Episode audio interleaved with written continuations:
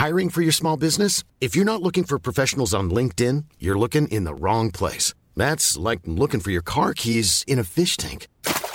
LinkedIn helps you hire professionals you can't find anywhere else, even those who aren't actively searching for a new job but might be open to the perfect role. In a given month, over 70% of LinkedIn users don't even visit other leading job sites. So start looking in the right place. With LinkedIn, you can hire professionals like a professional. Post your free job on linkedin.com slash people today. Burrow's furniture is built for the way you live. From ensuring easy assembly and disassembly to honoring highly requested new colors for their award-winning seating, they always have their customers in mind. Their modular seating is made out of durable materials to last and grow with you. And with Burrow, you always get fast, free shipping. Get up to 60% off during Burrow's Memorial Day sale at burrow.com slash ACAST. That's burrow.com slash ACAST. burrow.com slash ACAST. Hi, I'm Daniel, founder of Pretty Litter. Cats and cat owners deserve better than any old-fashioned litter. That's why I teamed up with scientists and veterinarians to create Pretty Litter. Its innovative crystal formula has superior odor control and weighs up to 80% less than clay litter. Pretty Litter even monitors health by changing colors to help detect early signs of potential illness. It's the world's smartest kitty litter. Go to prettylitter.com and use code ACAST for 20% off your first order and a free cat toy. Terms and conditions apply. See site for details. Da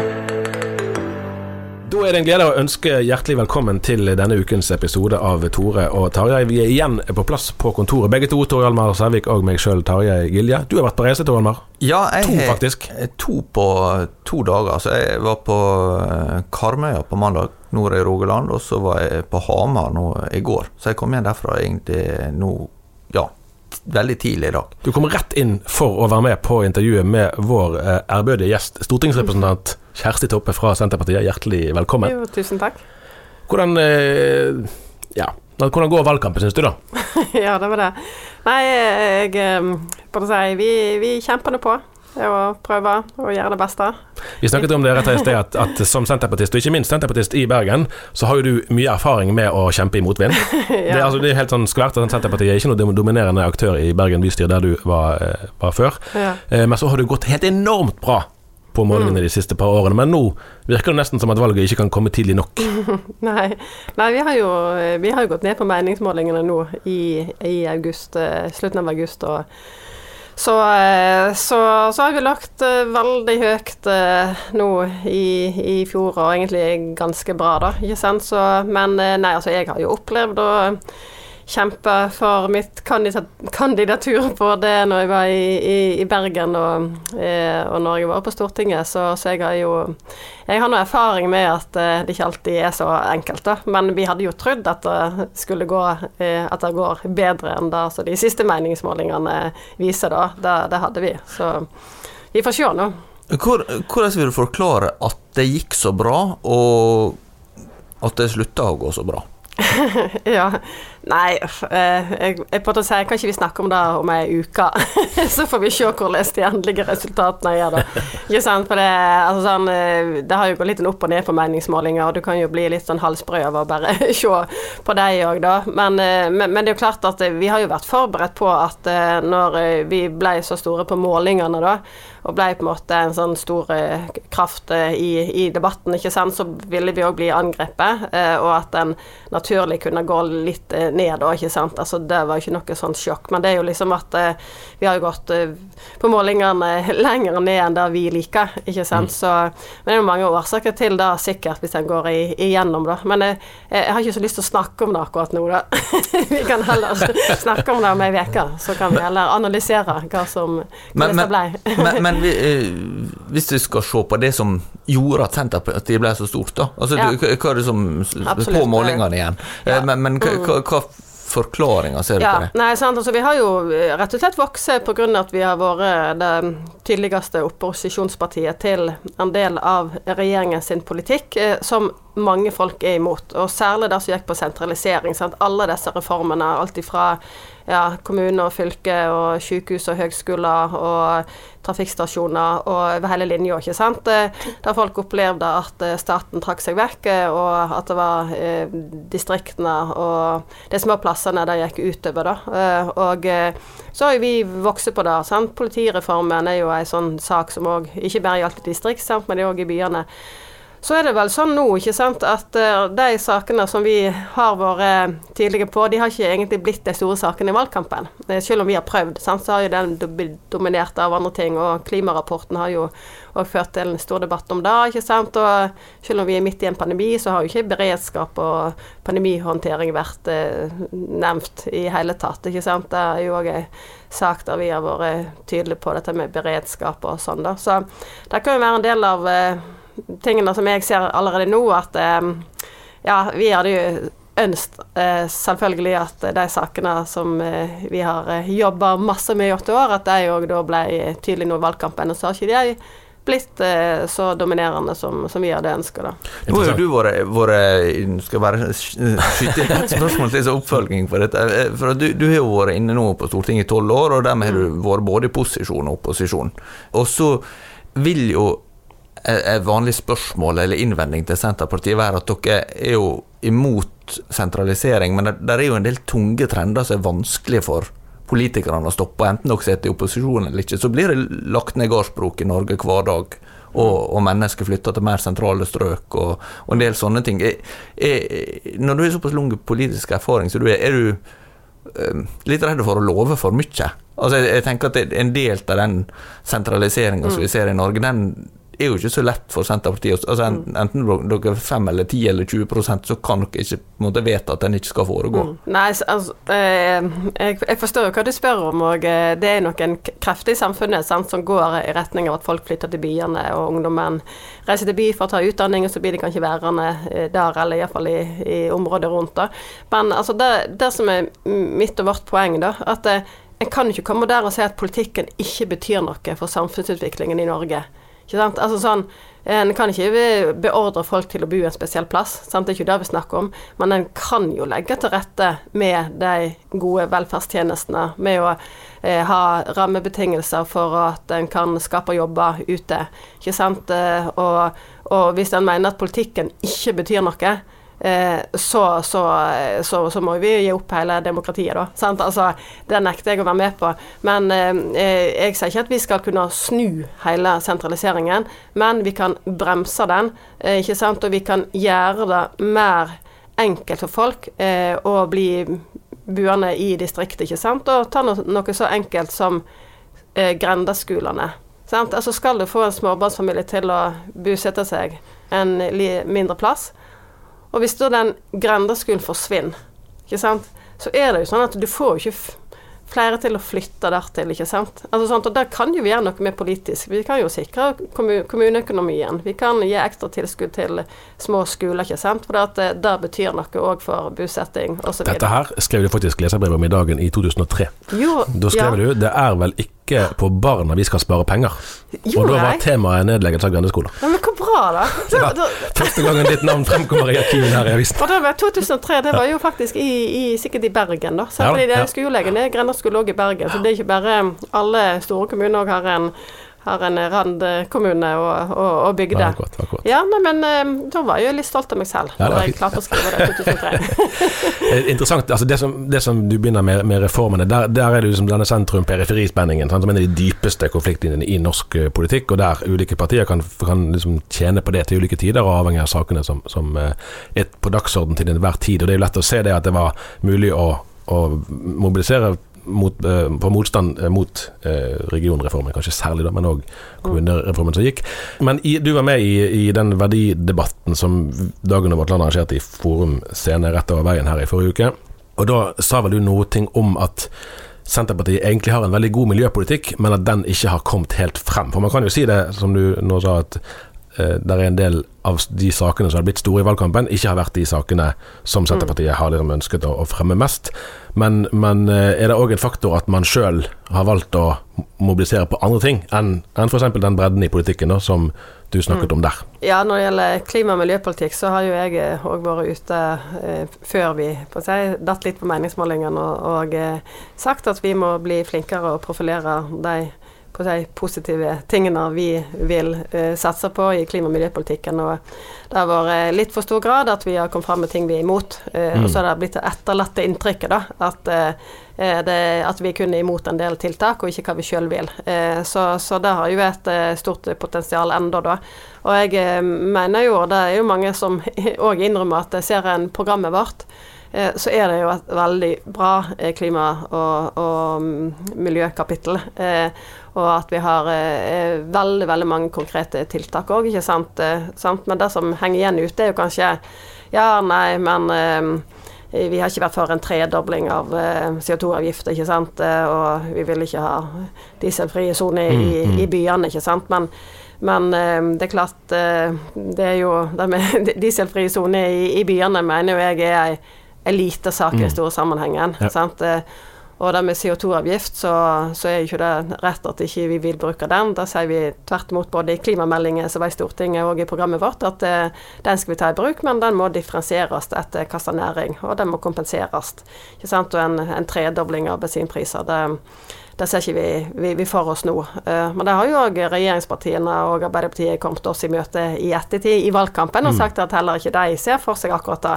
Ikke sant? Men vi var vel de, de første til å, til å gi signal om det, da. Men det er jo eh, enormt masse andre på en måte viktigere satsinger òg i i klima- og miljøpolitikken. For meg så er det sånn her eh, Altså, det er, ikke noe, det er ikke tull engang. Altså, jeg hadde aldri vært med i Senterpartiet hvis ikke det hadde hatt eh, en, en god miljøpolitikk og klimapolitikk. Sant? Disse verdiene som Senterpartiet har, da. Eh, og jo Og miljø- og klimapolitikken har jo alltid vært veldig viktig for meg òg når jeg var i lokalpolitikken. Eh, så er det noe med at en må jo Altså dette er primærnæringene som Det å bruke naturen, sant, det er jo Det ligger veldig nært til Senterpartiet. Det ser Per Olaf Lundteigen sier med, med, med, med torsken og, og tømmeret og timoteien, Ja. ikke sant? Og det grønne karbonet som ligger i de næringene, Ja, ja. og at det er de vi må satse på. Og så må vi fase ut det svarte karbonet Ja. i, i olja. Nettopp, nettopp. Ja. Du, eh, du var sjøl over 40 år når du ble stortingsrepresentant. Du har seks barn. Du hadde jobbet som lege før, så det var ikke sånn at du ikke hadde andre ting å drive med. Du er ingen eh, politisk eh, broiler. Nå er du helsepolitisk eh, talsperson, og du jobber jo for så vidt òg nå med saker som, som eh, du møtte som lege.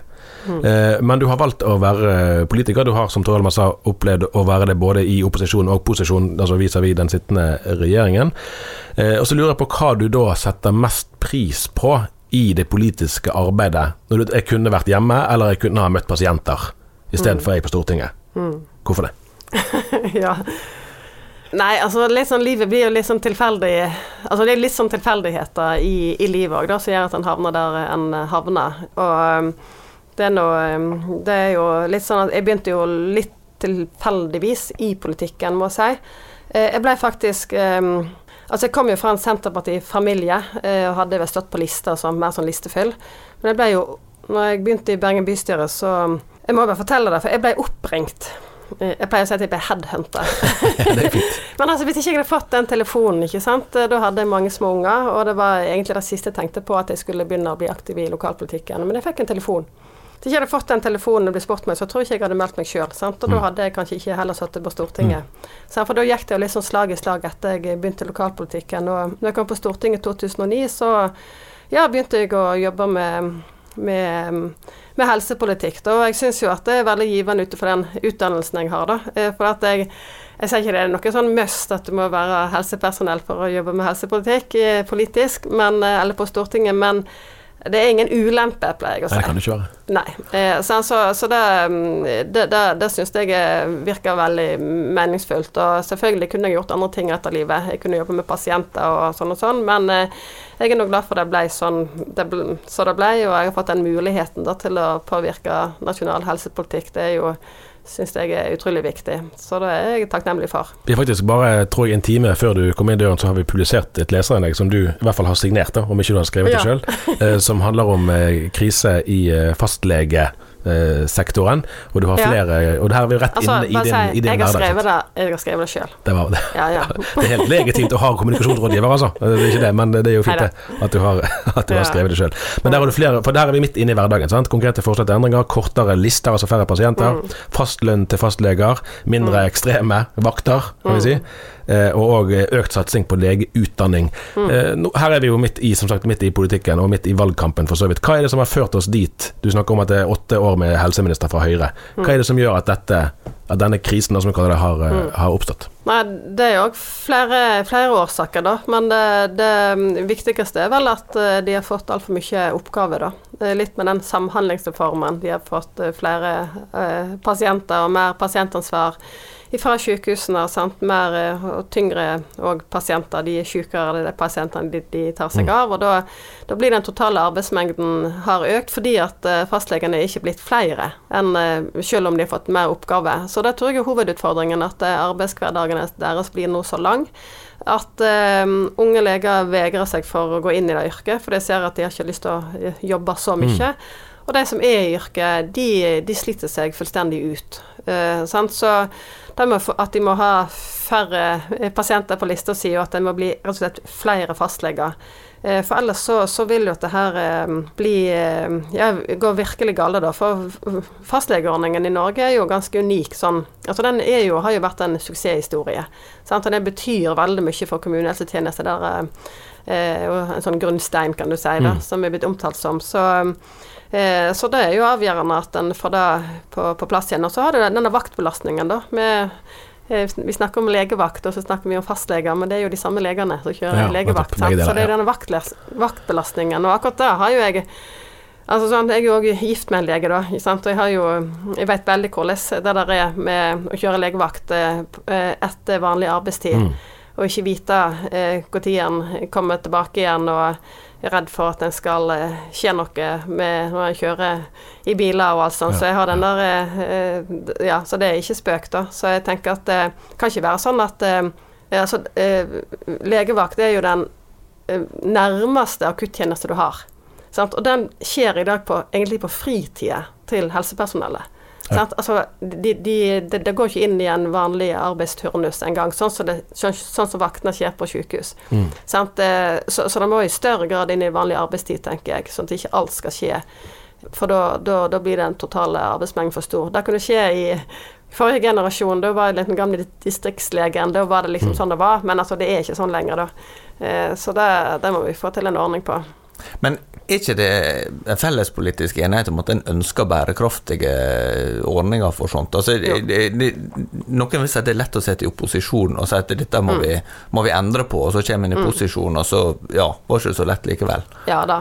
Jo, altså sånn eh, Selvfølgelig, det er jo Alle er jo for fastlegeordningen. Eh, Alle politiske partier ønsker og ser at dette her er Nå nærmer seg en krise, ikke sant, og det sier jo regjeringspartiene òg, da. Eh? Så, og en er jo En òg enig om eh, veldig mye av tiltakene. Det, så det er en, en god presisering der. Det som vi sier, er at det, Altså, vi har fremmet mange forslag i Stortinget om fastlegeordningen før det kom en handlingsplan, eh, da vi føler at det, det ble ikke tatt nok på alvor. da. Sånn, At det kom for lite for seint, som vi pleier å si. Men eh, akkurat her mener jeg at eh, det, den kritikken er betimelig. At det gikk, har gått altfor lang tid før en har innsett alvoret. da.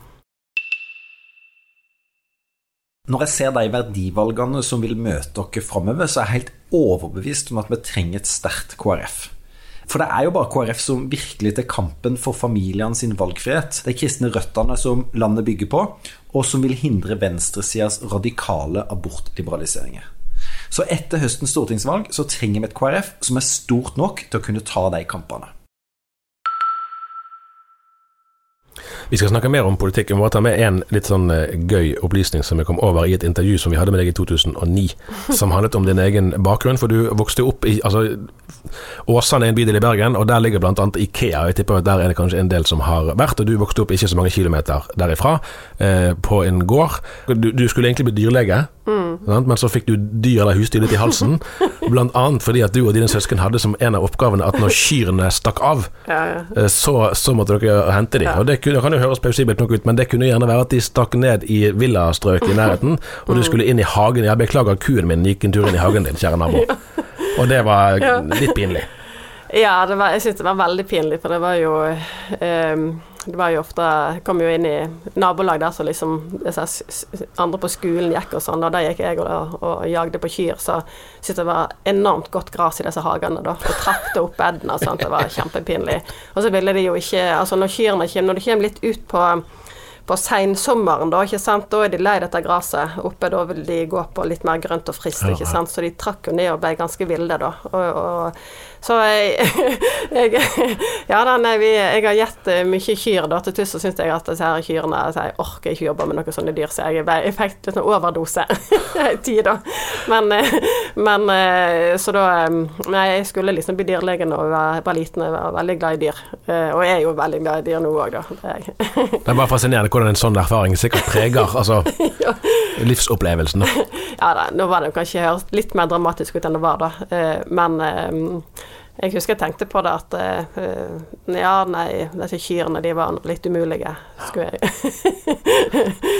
Så Du, eh, tilbake, tilbake til Nei, men det, det handler Altså, episoden er jo, er jo artig, sant? men selve, selve alt som ligger i det, da. Mm. Altså, da kommer gårdbrukeren inn i villastrøk, og kanskje noen syns er, noe er fint og noe er ikke fint. Sant? Og, Ja, ja. «Å, beklager, og luen i hånden. Og det er mange, mange lag av, av fortellingen der. Ja. Eh, til det mer konkrete igjen eh, politiske. Du har i mange år vært en varm eh, forsvarer av eh, kontantstøtten, og Senterpartiet bør vel ha mye av æren for at den overlevde åtte år med rød-grønn eh, regjering. Nå ser det ut for at støtten til den ordningen er svekket òg på borgerlig side. Eh, helt konkret, eh, bør foreldre som nå enten venter barn eller vurderer å bli gravide, eh, egentlig legge til grunn at denne ordningen i realiteten faller bort i 2022? Nei, eh, de må stemme på Senterpartiet, da. Hjelper det? Altså, er det nok til at det så kan vi ja, altså Hvis det blir et regjeringsskifte, så er jo vi det partiet som eh, får det ansvaret, da. Mm. Og, og, og kjemper for oss å bevare den, da. Eh, så, så, så jeg ville jo ikke kapitulere ennå, nei. Det, det vil jeg ikke. Eh, og så er jo KrF eh, tydelig på den, på den andre sida, da. Så um, Nei, jeg, jeg eh, Det var en, vel en måling akkurat nå det viste at eh, det var de yngre som var for kontantstøtte. Og det tenker jeg er jo et kjempeviktig Ja, det er de som signal.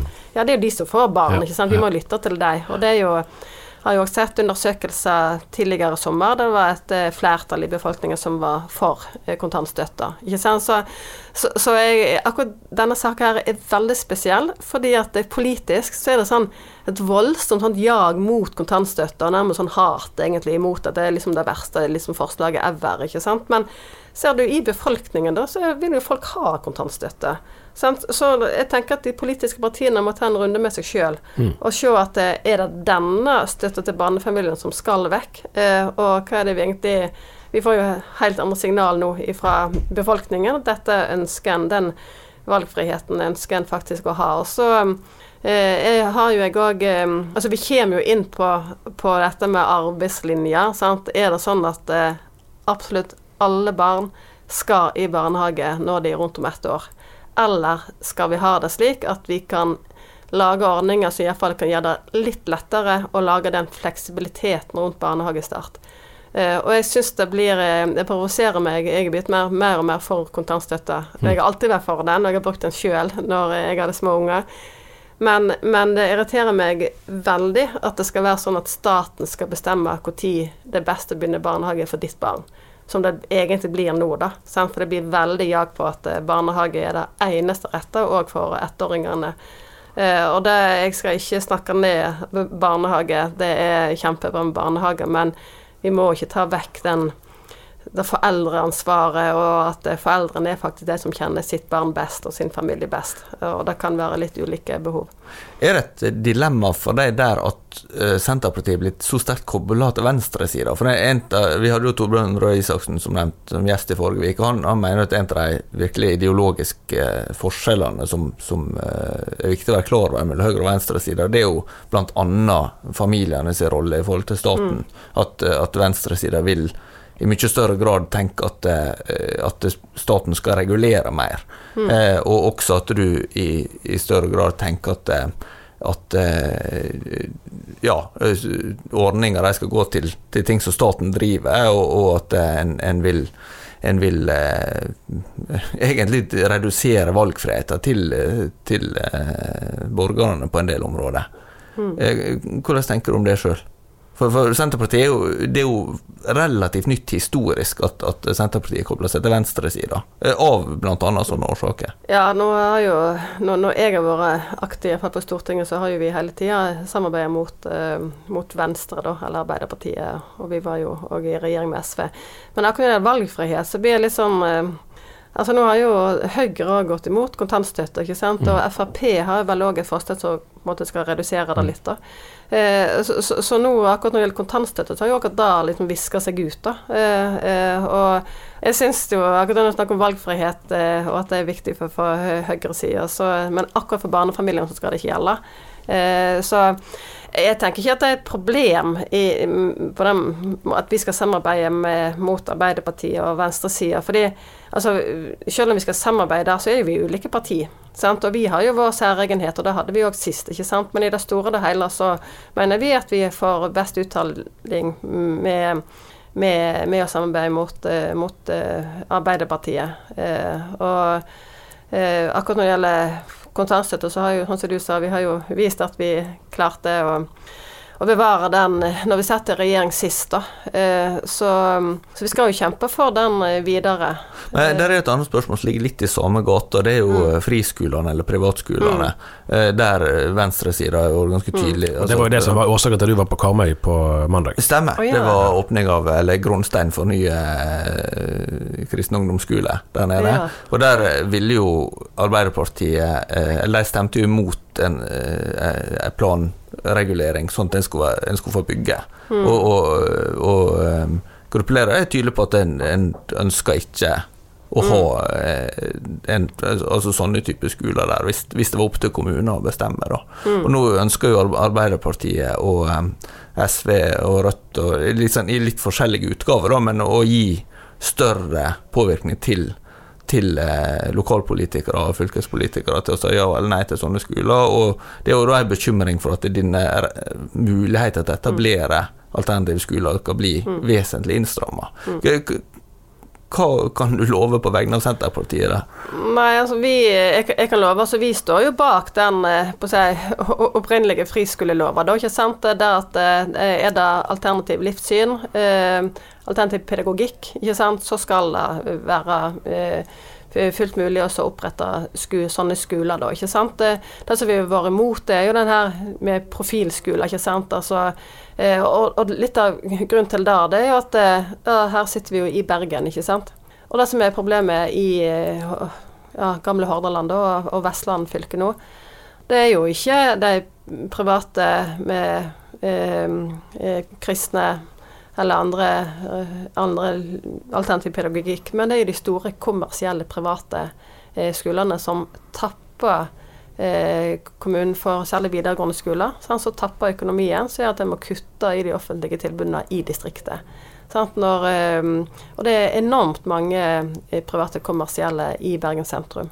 Sant? Og at da en står sjakkmatt og godkjenner eventuelt enda flere nye, da som kommer i direkte konkurranse til at du kan ha eh, gode skoler i, i hele fylket. Men, men, hvordan så, forstår du det at venstresida ønsker å stramme enda mer inn? Altså med, med, selv med tanke på Hvis du får en lokal vetorett, og når du også er politikere som sier eksplisitt at en ønsker ikke sånne type skoler. Tenker du at det vil Nei, altså der, Vi er jo ikke der. Vi ønsker jo sånne type skoler velkommen, altså som går på alternativ livssyn og pedagogikk. Eh, men vi har altså vært mot dette her, at du skal utvide retten til eh, private kommersielle og, og lage skoler hvor, hvor, hvor, som helst, og særlig i, i, i sentrale strøk. Men jeg, vi er nå jeg, jeg, jeg, er veldig trygg på Senterpartiet. At vi skal ikke gå Vi skal ha det sånn, med, sånn som den gamle friskoleloven var. da. Mm. Det står vi og kjemper for. Og så er det jo sånn eh, at eh, vi, vi, vil jo at disse her private, sånn som i, i Vestland fylke, da eh, Når du har en skolebruksplan, så har jo det offentlige de, de, kan jo kutte bare i sine egne skoler. Sant? Selv om hvis elevtallet går ned, da. Eh, Så vi har jo òg ment at vi må kunne se på de private skolene i en sånn, eh, i en sånn gjennomgang, særlig når det gjelder videregående skole. Eh, Men, eh, men det, det har jo vi Vi ser iallfall Vi får iallfall mange tilbakemeldinger fra skoleeiere på det. Men det, det er jo en litt annen sak. Siste temaskifte tror jeg eh, vi rekker. Eh, I februar fikk du Livsvernprisen av organisasjonen Menneskeverd. I deres begrunnelse var det for hennes langvarige og respektfulle engasjement for menneskets verdi i alle faser av livet. De senere to-tre årene er det jo særlig abortsaken som har vakt et sterkt engasjement, eh, ikke helt uten tilknytning til en viss veivalgsprosess i Kristi eh, Folkeparti. Ja. hvis vi begynner der først, da, eh, og så skal jeg spørre meg generelt etterpå. Eh, hvordan eh, vurderer du selve den debatten? Altså for f.eks. det med fosterreduksjon eller tvillingabort er jo egentlig eh, veldig få tilfeller av i løpet av et år. sånn at I det store summen av antall aborter så er dette en, en bitte liten del, men det har vakt veldig sterke reaksjoner. Mm. Hvordan, hvordan uh, vurderer du at den politiske håndteringen har vært, da? Eh, eller debatten har vært om det? Altså, det med tvillingabort starter jo før eh, KrF sitt eh, veivalg. Viktig, det gjorde det, sant. eh, Og Senterpartiet og KrF vi hadde jo faktisk et fellesforslag vi i Stortinget, jeg og Olaug Bollestad, om at eh, vi ikke skulle ja, tillate fosterreduksjon av friske foster. Eh, eh, og, men, men da var det jo Jeg oppfattet at det var en stor eh, støtte i befolkningen for at nei, dette var ikke greit at vi skulle tillate en sånn type utvelgelse, da, eh, når det gjaldt tvillinger, da. Eh, eh, reduksjon fra trillinger til trilling. Tvillinger hadde jo en medisinsk gevinst, sant? men det har du ikke med tvillinger. Men jeg oppfatter at det, det skjedde en endring i befolkningen, eh, med, med, dessverre, må jeg si, med KrF sitt linjevalg. For da ble det en sånn slags eh, protestbevegelse, fordi at han følte at han angrep måte, rettighetene som har vært i mange år. da. Akkurat når det gjelder Men det var jo òg at det ble blanda inn i den 2C, altså selve Ja, abortlova.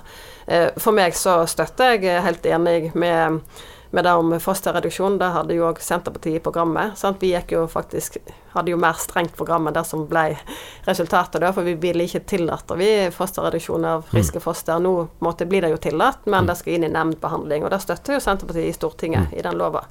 Eh, men eh, mange oppfatter vel at en satte hele litt sånn At en òg skulle eh, gjøre den dagens eh, abortlov ellers, da, utenom tvillingabort, strengere. Og så fikk du jo disse protestene, da, og det gjorde litt med debattklimaet, da. Så har jo vi nå fått mange partier som da vil eh, liberalisere i andre enden, da. Eh, sant, med å 16 uker, 18 uker, 22 uker. Sant, på, på, det, ja, jeg liker jo ikke at eh, det er så mange partier som nå åpner opp for det, og at du har fått debatten liksom over på den diskusjonen går på det, istedenfor eh, ja, vi, Det er ikke noen diskusjon i Senterpartiet på det. Vi har klart landsmøtevedtak på at vi står på tolvte uke. Akkurat. Både som, som, som lege, men som allmenn som, som politiker. Så er, altså for du, du blir jo gjerne sett på uh, rett, altså, som en, eh, en verdikonservativ stemme i Senterpartiet. Altså, han kan vurdere, vurdere om merkelappen er rettferdig eller ikke. og Det kan man alltid diskutere, sånne merkelapper, hva de egentlig forteller.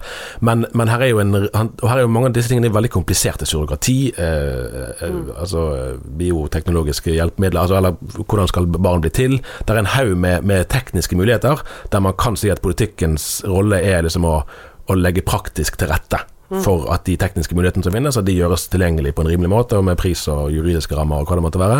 Men så er det jo òg en etisk side, som jeg i hvert fall vil si ikke alltid ser ut til å være helt fremtredende. Ja, dette går an å gjøre, men er det lurt? Er det bra for samfunnet å gjøre det?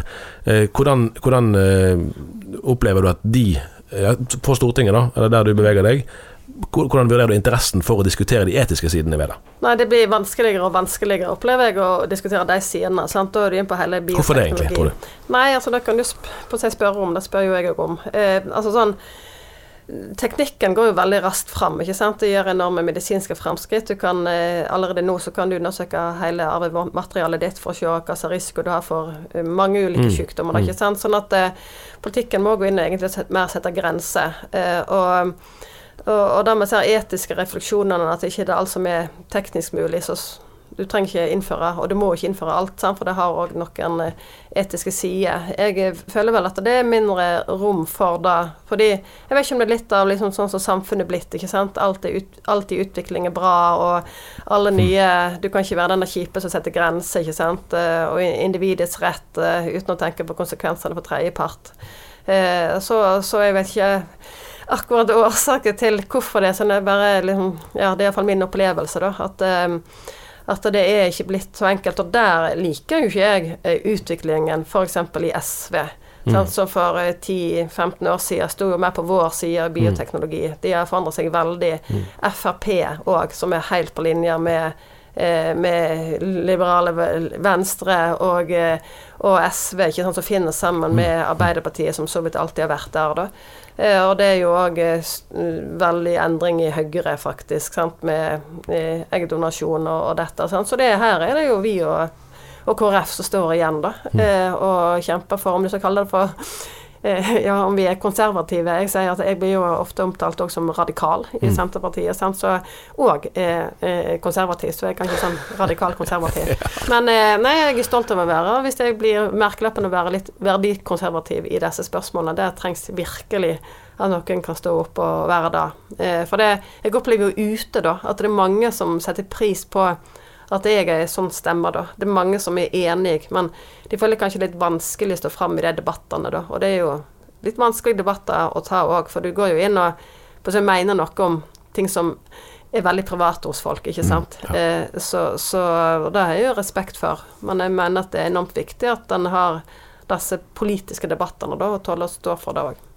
Det er tolv dager igjen eh, til eh, valget. Eh, vi spøkte litt med at i mange andre yrkesgrupper så er det ofte sånn at eh, kan, man kan si hjemme sant, at ja, nå er det bare tolv dager igjen, de skal levere en rapport eller et eller annet, og så roer det seg ned. Sant? Mm. Her er jo faktisk, selv om du verken kan sikkert eller vil spekulere i eh, fremtiden og så videre, så kan det jo fint skje at for deg blir saken at etter det så blir det enda travlere. Hvem vet hvem som blir med i regjeringen Støre etter valget? Ja, hvis det blir regjeringen større. Ja, det, det, er jo, det er jo, Les avisene og abonner og følg med. Så Det er sånn som jeg har sagt det, men vi har fortsatt abonnement igjen. Så du. Veldig galt, greit å si. Ja. Hjertelig takk for besøket, Kjersti Toppe. Og vi sier til deg som vi sa i forrige uke, godt valg. Jo, takk for det.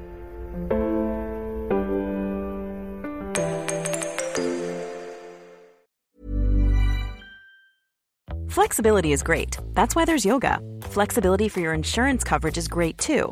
That's why there's United Healthcare Insurance Plans. Underwritten by Golden Rule Insurance Company, United Healthcare Insurance Plans offer flexible, budget friendly coverage for medical, vision, dental, and more. One of these plans may be right for you if you're, say, between jobs, coming off your parents' plan, turning a side hustle into a full hustle, or even missed open enrollment. Want more flexibility? Find out more about United Healthcare Insurance Plans at uh1.com. Hey, it's Danny Pellegrino from Everything Iconic. Ready to upgrade your style game without blowing your budget? Check out Quince. They've got all the good stuff shirts and polos, activewear, and fine leather goods, all at 50 to 80% less than other high end brands. And the best part? They're all about safe, ethical, and responsible manufacturing. Get that luxury vibe without the luxury price tag. Hit up quince.com slash upgrade for free shipping and 365 day returns on your next order. That's quince.com slash upgrade. Hi, I'm Daniel, founder of Pretty Litter. Did you know cats tend to hide symptoms of sickness and pain? I learned this the hard way after losing my cat, Gingy. So I created Pretty Litter, a health monitoring litter that helps detect early signs of illness by changing colors, saving you money and potentially your cat's life. Pretty Litter is veterinarian developed, and it's the easiest way to keep tabs on your fur baby's health right at home. Go to prettylitter.com and use code ACAST for 20% off your first order and a free cat toy. Terms and conditions apply. See site for details.